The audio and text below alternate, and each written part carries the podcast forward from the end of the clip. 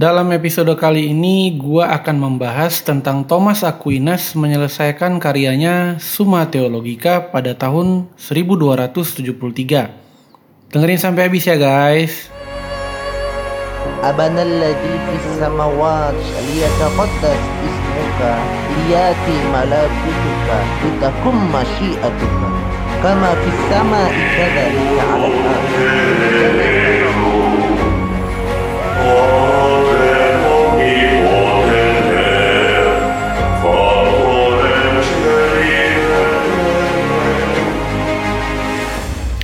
Shalom Alaihem, Besem Hamasya, damai sejahtera dalam nama Kristus bagi kita semua.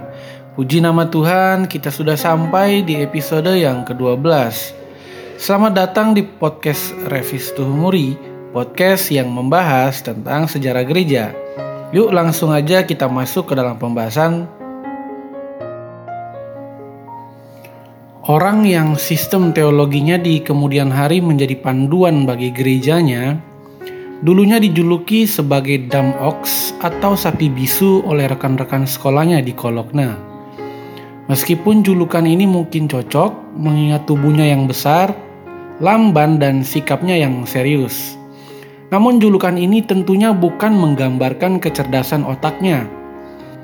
Teolog terbesar pada abad pertengahan, Thomas Aquinas, dilahirkan pada tahun 1225 di Roccasecca dalam keluarga bangsawan yang kaya di Italia. Nama Aquinas merupakan identifikasi daerah asal leluhurnya di Comune Aquino Italia dalam regione Lazio pada masa kini. Menjelang usia lima tahun, ia terkenal akan kesalehannya sehingga orang tuanya pun mengirimnya ke sekolah biara di Monte Cassino. Pada usia 14 tahun, oleh kedua orang tuanya ia dimasukkan ke dalam studium generale atau yang kita kenal dengan nama universitas di kota Naples. Di sana Thomas begitu terkesan dan dipengaruhi oleh guru dominikannya Giovanni di Esquilano. Ia pun memutuskan untuk menjadi seorang biarawan dominikan pada umur 19 tahun. Keluarga Thomas tidak setuju dengan keputusannya dan berupaya keras mengubah pikirannya. Mereka mencoba menculiknya, membujuknya, dan menyekap dia selama satu tahun. Namun akhirnya mereka mengalah. Pada tahun 1245, Thomas diutus untuk belajar di Fakultas Seni Universitas Paris, tempat ia pertama kali bertemu dengan Albertus Magnus, seorang akademisi Dominikan yang pada saat itu menjabat sebagai pengampu teologi di Kolese Santo Yakobus di Paris. Pada zaman ini, para filsuf non-Kristen mengusik otak para pemikir Kristen. Karya-karya Aristoteles, kemudian Averroes yang Muslim dan Maimonides yang Yahudi telah diterjemahkan ke dalam bahasa Latin. Para sarjana tertarik kepada para filsuf yang menjelaskan seluruh jagat raya tanpa mengacu pada kitab suci Perjanjian Baru. Melanjutkan tradisi kesarjanaan, Thomas berupaya menyatukan rangkaian filsafat dan teologi yang agak terpisah. Ia membedakan keduanya, yang ia sebut sebagai akal dan wahyu, namun ia menekankan bahwa keduanya itu tidak perlu dipertentangkan. Keduanya adalah sumber pengetahuan. Ia mengatakan bahwa keduanya berasal dari Allah, namun dalam teologi suci, segala sesuatu diperlakukan dari sudut pandang Allah. Thomas memahami keterbatasan rasio yang hanya didasari pengetahuan melalui indera, sementara kita oleh rasio dibawa untuk percaya kepada Allah.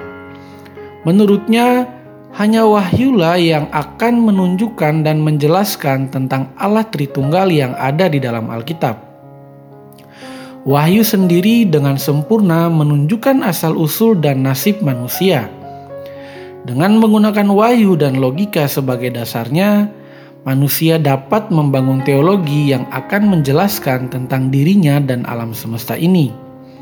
Argumentasi Summa Theologica yang berliku-liku menunjukkan kesanggupan Thomas Aquinas untuk melakukan penalaran yang rumit. Pada awalnya ia ditentang karena pada saat itu di dalam gereja banyak yang tidak menerima penekanan kaum skolastik pada akal budi. Tetapi tidak lama kemudian karya ini dan karya-karya lainnya seperti Summa Contra Gentiles yang pada suatu masa mengundang perbantahan telah menjadi bagian terkemuka dalam doktrin gereja. Ketika gereja Katolik mengatur kekuatan melawan kebangkitan Protestan pada Konsili Trente, mereka menggunakan karya-karya Aquinas Meskipun ia telah menjadi salah seorang teolog, guru, dan pengkhotbah terkemuka gereja, keberadaan Aquinas tetaplah sederhana. Pada tanggal 6 Desember 1273, tiga bulan menjelang kematiannya pada 7 Maret 1274, ketika ia sedang merayakan misa, ia mengalami suatu ekstase atau penglihatan dalam waktu yang sangat lama. Penglihatan itu dengan jelas menunjukkan bahwa tulisan-tulisan teologinya hanyalah tampak seperti tumpukan jerami. Hal inilah yang mungkin menjadi penyebab karyanya Summa Theologica tidak pernah benar-benar diselesaikannya sampai pada akhir hidupnya.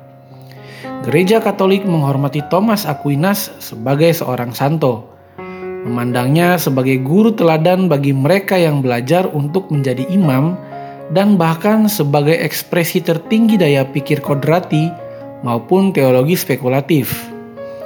Di zaman modern, di bawah arahan kepausan, studi seputar karya-karyanya telah lama digunakan sebagai salah satu pokok program studi yang diisyaratkan bagi mereka yang hendak ditabiskan sebagai imam ataupun diakon.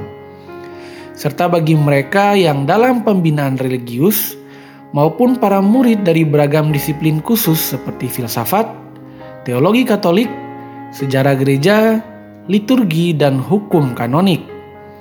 Thomas Aquinas meyakini bahwa kebenaran diketahui melalui akal atau daya pikir oleh wahyu kodrati dan iman oleh wahyu adi kodrati. Wahyu ilahi atau adi kodrati bersumber dari pengilhaman oleh Roh Kudus dan diberikan melalui pengajaran para nabi, dirangkum dalam kitab suci, serta ditransmisikan oleh magisterum. Secara keseluruhan, semuanya itu disebut sebagai tradisi. Wahyu kodrati adalah kebenaran yang tersedia bagi semua orang melalui kodrat manusia dan kekuatan daya pikir mereka. Ia mencontohkan kalau hal ini diaplikasikan pada cara-cara rasional untuk mengetahui keberadaan Allah. Terima kasih sudah mendengarkan episode ini sampai selesai. Kalian juga bisa nonton video dengan pembahasan yang sama di channel YouTube. Nama channelnya sama, Revis Muri Channel. Judul dan pembahasannya juga sama. Bedanya kalau di YouTube Kalian dapat infografis dan keterangan foto di dalam videonya. Bantu like dan subscribe juga ya guys. Sampai jumpa di episode selanjutnya. Shalom Alaihem Besem Hamasya. Damai sejahtera dalam nama Kristus bagi kita semua. أبنا الذي في السماوات ليتقدس اسمك. ليأتي ملكوتك لتكن مشيئتك. كما في السماء كذلك على الأرض.